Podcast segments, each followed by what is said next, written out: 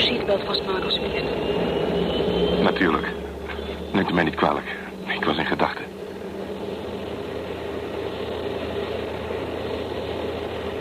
Wie zou ik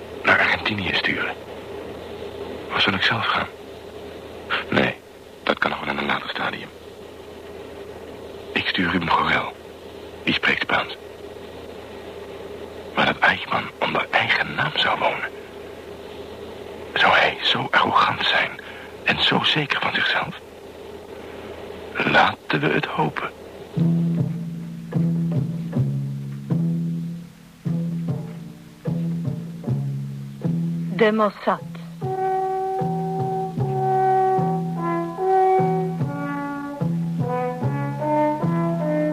Een hoorspelserie naar gegevens uit het gelijknamige boek...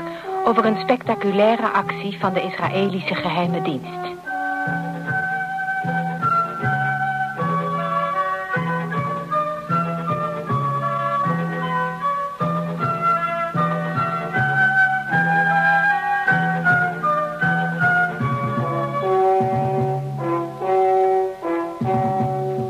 Vanavond hoort u deel 2...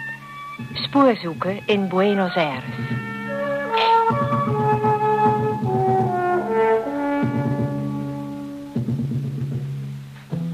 Die president Nasser is een groot gevaar, is er, dat verzeker ik je. Ik onderschat hem ook allerminst, Nathan. Niet alleen heb hij kans gezien om de betrekkingen met zowel de Engelsen als met de Amerikanen aanmerkelijk te verbeteren. Maar er zijn ook duidelijk tekenen dat hij een verbond aangaat met Syrië. Wie beweert dat? Eli, Eli Cohen. Een verbond tussen Egypte en Syrië. Sterker nog, er is sprake van een staatkundige unie onder één regering. Alhoewel Nasser in zijn redenvoeringen zich wat milder over ons uitlaat... streeft hij zeer duidelijk naar één grote Arabische eenheid. Hoe staan de Saoedi's daar tegenover? Daar is officieel weinig over bekend. Maar iedereen weet toch dat die koning daar Nasser als een bedreiging ziet van eigen positie... en zal nooit dulden. Er is een telegram uit Argentinië aangekomen. Breng binnen. Ik zal zien, Nathan, dat ik contact krijg met Eli. En dan moet de Unie Egypte-Syrië bij de eerstvolgende vergadering als nummer 1 op de agenda komen.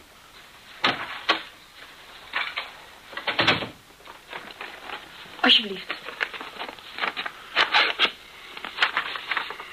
De akte is niet ondertekend.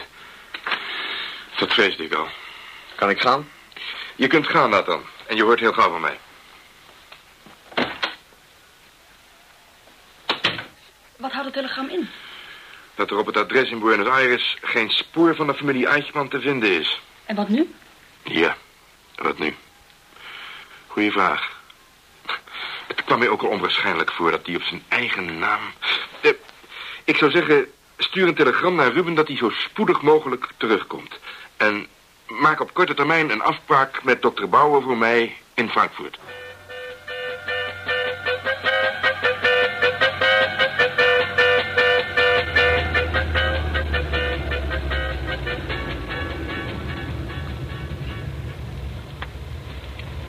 Bleiben Sie warten, bitte.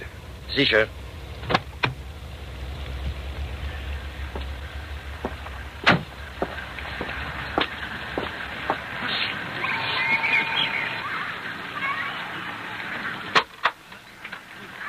Dag, heer Bauer. Goeiedag. Komt u binnen. Neemt u mij niet kwalijk, ik ben even uw naam kwijt. Harel. Is er Harel? Ach, ja, natuurlijk. Ja, gaat u naar binnen en neemt u plaats. Zo. U laat de taxi weer wachten, heb ik gezien. Dus u wilt met hetzelfde toestel weer terug naar Tel Aviv. Dat hebt u goed begrepen. Nou, stikt u van wal? Ik zal kort zijn. Op het adres in Buenos Aires dat u mij gegeven hebt... woont op het ogenblik één familie. De naam is Schmid. Deze familie staat ook als eigenaar van het huis ingeschreven in het kadaster. En hoewel mogelijk van Duitse afkomst... is het uitgesloten dat het hier de familie Eichmann betreft. Onze man al daar, die zeer omzichtig te werk is gegaan... nogthans veel heeft onderzocht... heeft geen enkel verder aanknopingspunt ontdekt. Hij is onverrichter zaken teruggekeerd. Schade. Zeer schade. Vraag is natuurlijk wat nu te doen. U begrijpt, geruchten over verblijfplaatsen van ex-naties bereiken ons zo niet wekelijks dan toch maandelijks. Een boerman, een mengele. Ja, zelfs Hitler zijn al op menige plaats opgedoken. Waarbij in alle gevallen de wens de vader van de gedachte was. Ik zou de zaak hiermee dus als afgedaan kunnen beschouwen, maar iets in mij, laat ik zeggen, mijn instinct, wil deze zaak nog niet laten rusten. Ja, wat wilt u dan nog doen? Ik zie maar één mogelijkheid. En die is? Dat u mij naam en adres geeft van uw zegsman. Ja. Ja, ik zie in dat ik daar niet onderuit kan komen. Ik geef u zijn naam. Die luidt Lothar Herman. Hij woont in Buenos Aires. Ik zal u een introductiebrief meegeven... waardoor het contact mogelijk wat eenvoudiger gelegd kan worden. Maar ik moet u wel op het hart drukken... uiterst voorzichtig en discreet te werk te gaan. Want in zekere zin maak ik inbreuk op een duidelijk gemaakte afspraak. Ja, ik zie in dat dat niet anders kan. Ik trek mij nu even terug om de brief samen te stellen. En ik zal mijn vrouw vragen intussen op te ontfermen.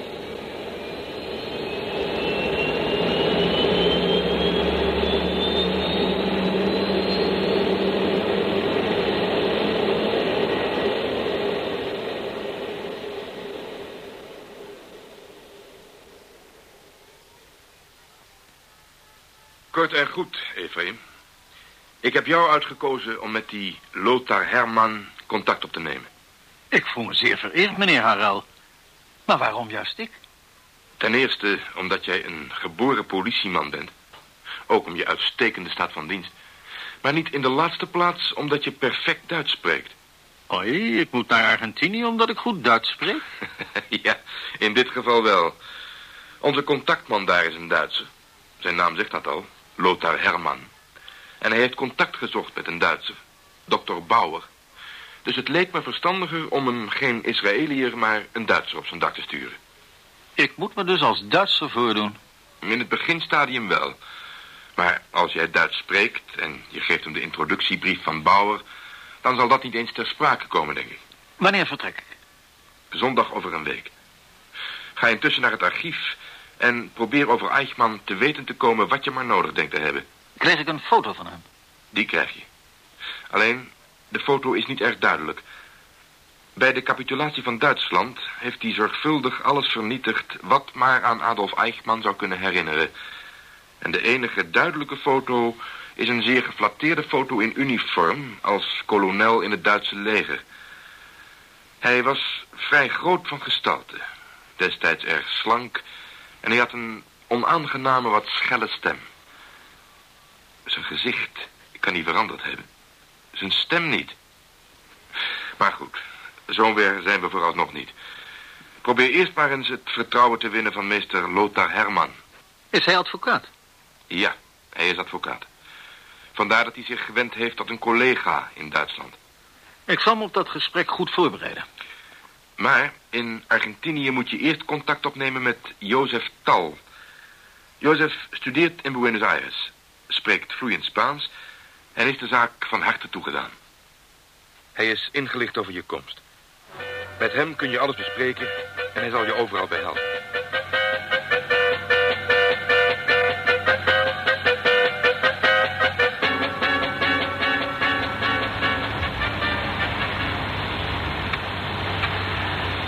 En nu moet je hier, geloof ik, rechtsaf. Dat zou dan de Suarez Kalje moeten zijn. Even kijken. Ja, dat klopt. Suarez Galje. Spreek uit. Kalje. Kalje, goed zo. Nummer 62, dat is aan de overkant, ongeveer aan het eind. Dus dat spreken we nu af? Ik ga daar naartoe en als ik binnengelaten word, dan wacht je hooguit een uur. Als ik dan nog niet terug ben, dan kom je me ophalen. Afgesproken. Nou, sterkte vriend.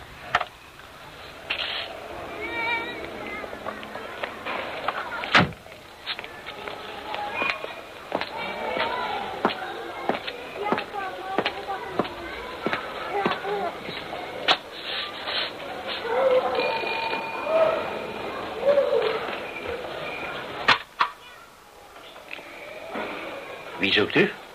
Ik zoek meester Herman. Ja, ik ben Mr. Herman.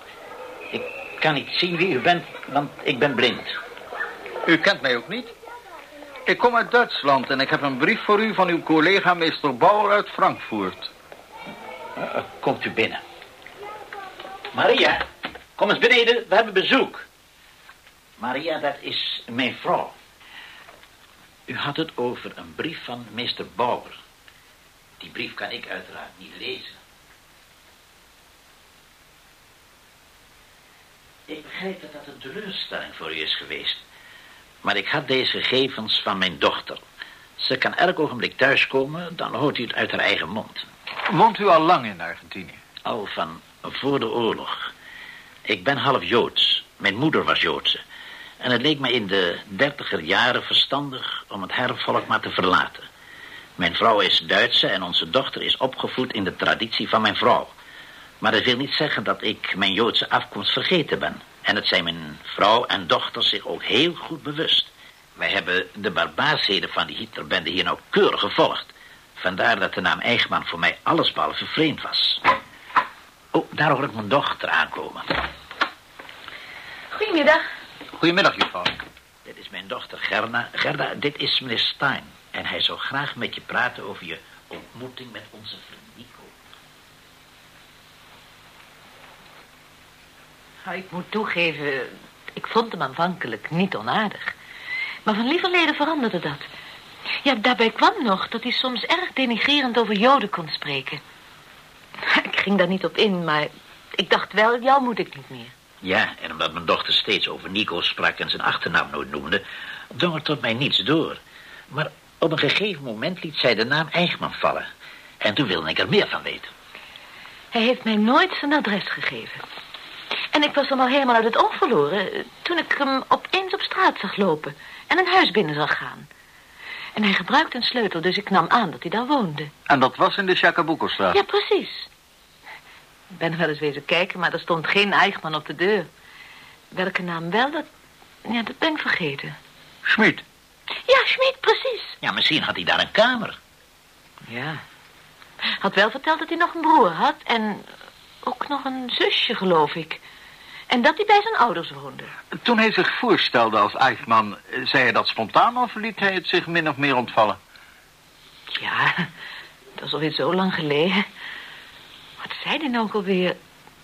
Oh ja, we hadden ons nog niet voorgesteld. En ik zei, ik heet Gerda Herman. En toen zei hij meteen, en ik Nico Eichmann. En we lachten nog een beetje omdat het rijmde. We kunnen ons namelijk niet goed voorstellen dat zijn vader hier onder zijn eigen naam zou wonen. Nee, daar heb ik ook al aan gedacht. Maar in Duitsland heeft die zoon nog heel bewust geleefd als Nico Eichmann.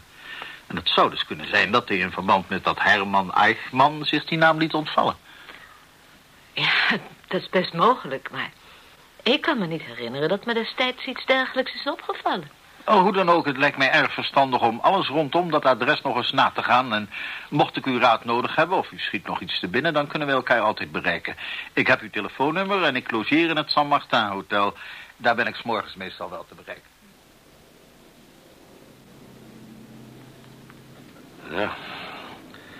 We zijn in elk geval een ietsje verder gekomen dan Ruben Gorel. Ja. Gorel vond in de Jacabuco-straat alleen de familie Smit. En zijn conclusie dat dat onmogelijk de familie Eichmann kon zijn is juist.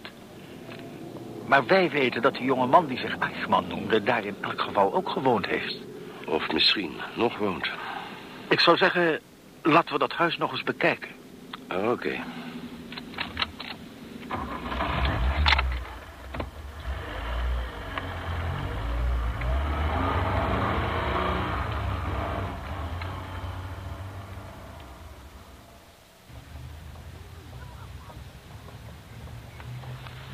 Het is een groot huis. Eigenlijk te groot voor één familie, zou je haast zeggen. En aan de achterkant is nog een knots van een garage. Nou, wat zullen we doen? Om buurten hier een paar dagen gaan posten? Nee, nee, daarvoor is de buurt hier te stil. Dat zou opvallen en opvallen is dan het ergste wat ons kan overkomen. Wat dan? Weet je waar ik destijds als rechercheur nogal eens inlichtingen kon krijgen over bewoners van bepaalde panden? Nou, Op het kantoor van de elektriciteitsvoorziening. Als jij daar nu eens naartoe ging... En je komt dan met een verhaal dat je voor je, voor je baas een rekening wilt vereffenen of zo.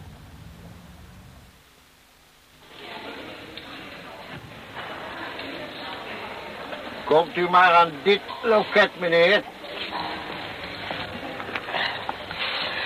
Wat, eh, wat kan ik voor u doen? Ik kom voor mijn baas een rekening betalen. Het gaat om een pand in de Chacabuco-straat. Kijk, Chacabuco-straat, hè? Hier heb ik het. Welk nummer? Nummer 4261. 4261. Nou, volgens mij staat daar niks open. Om welk bedrag gaat het? Ah, dat weet ik niet.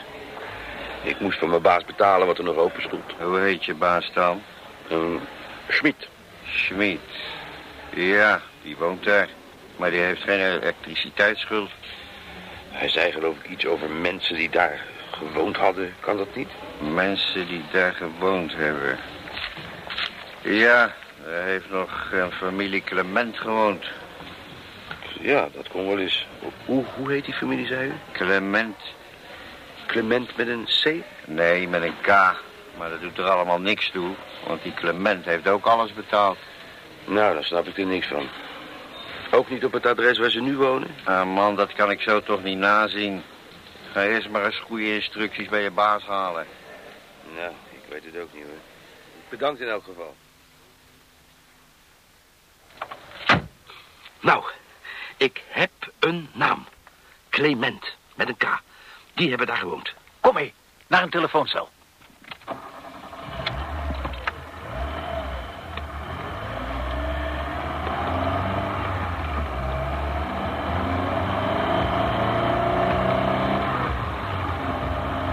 Ik ben benieuwd of we die Clement in de telefoongids kunnen vinden.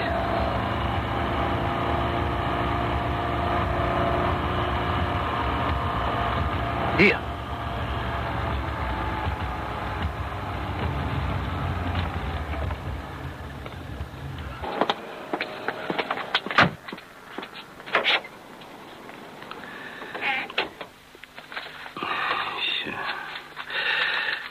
Kla, kla, kla. Klet, kles. Nee. nee, geen Clement. Als ze pas verhuisd zijn, staan ze waarschijnlijk nog niet in de gids. Wat zou je ervan zeggen als ik hetzelfde praatje eens hield bij de familie Schmid? Hoe bedoel je? Nou, ik kom van het elektriciteitsbedrijf en er staat nog een rekening open van de familie Clement. Zou dat nou niet te link zijn? Ah, Ik zou niet weten waarom. Ik fabriceer wel een soort rekening en ik ben een doodgewone kwitantieloper. Ja, ja, ja, ja, dat zou je kunnen doen. Dat is een goed idee.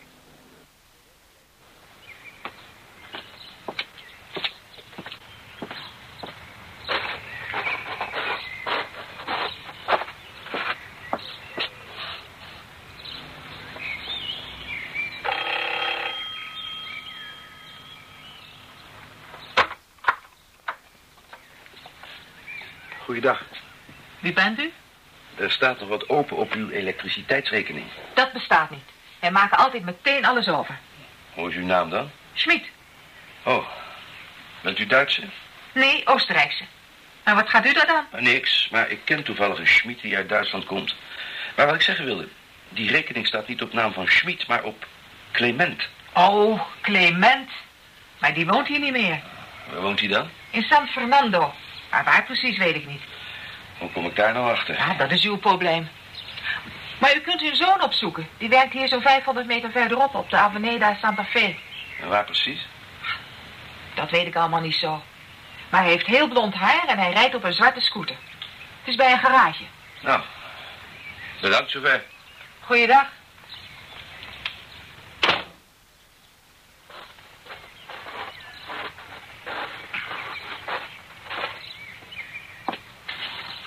En? Geweldig. Rijd die kant maar eens op. Op die laan moet ergens een garage zijn. Wat is daarmee? Bij die garage werkt een zoon van Clement. Hij heeft heel blond haar en het zou me niks verwonderen als dat niet het gewezen vriendje van Gerda Herman is.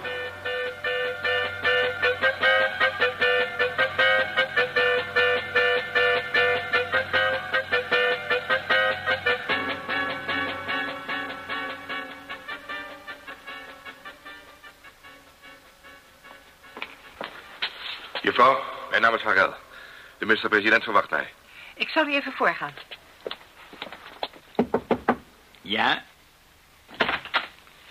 Meneer Ben Goerion, hier is de heer Harel voor u. laat hem binnenkomen.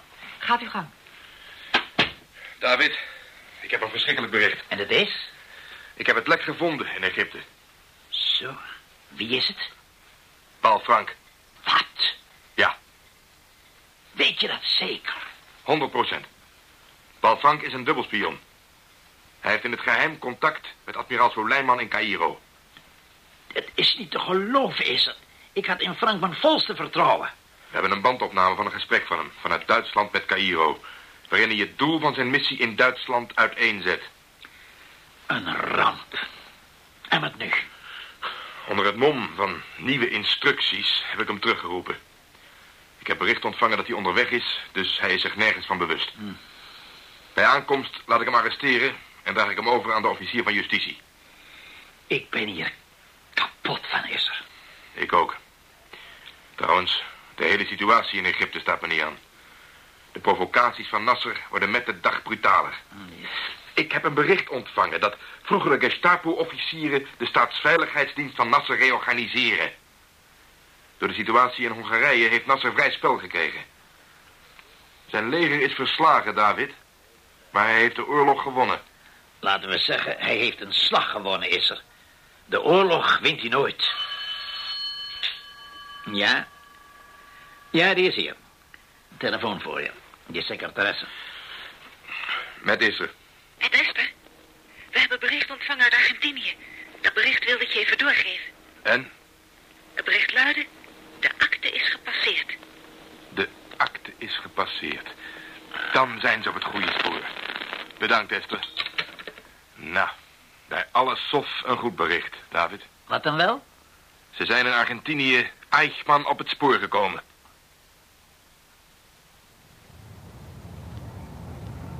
Jozef, let op. Daar komt hij aan. Ja, dat is hem. Groot en hartstikke blond. Wat je noemt een Germaan. Ja, hij gaat naar die scooter.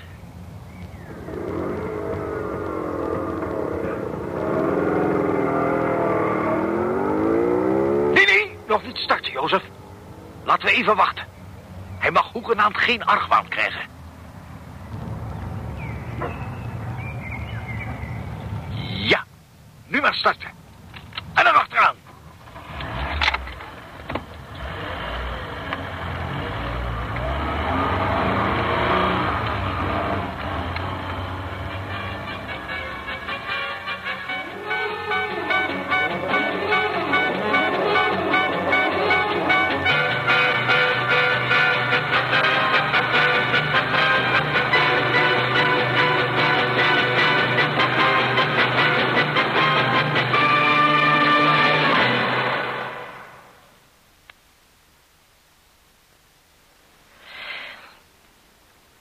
Spoorzoeken in Buenos Aires was het tweede deel van ons woensdagavond hoorspel.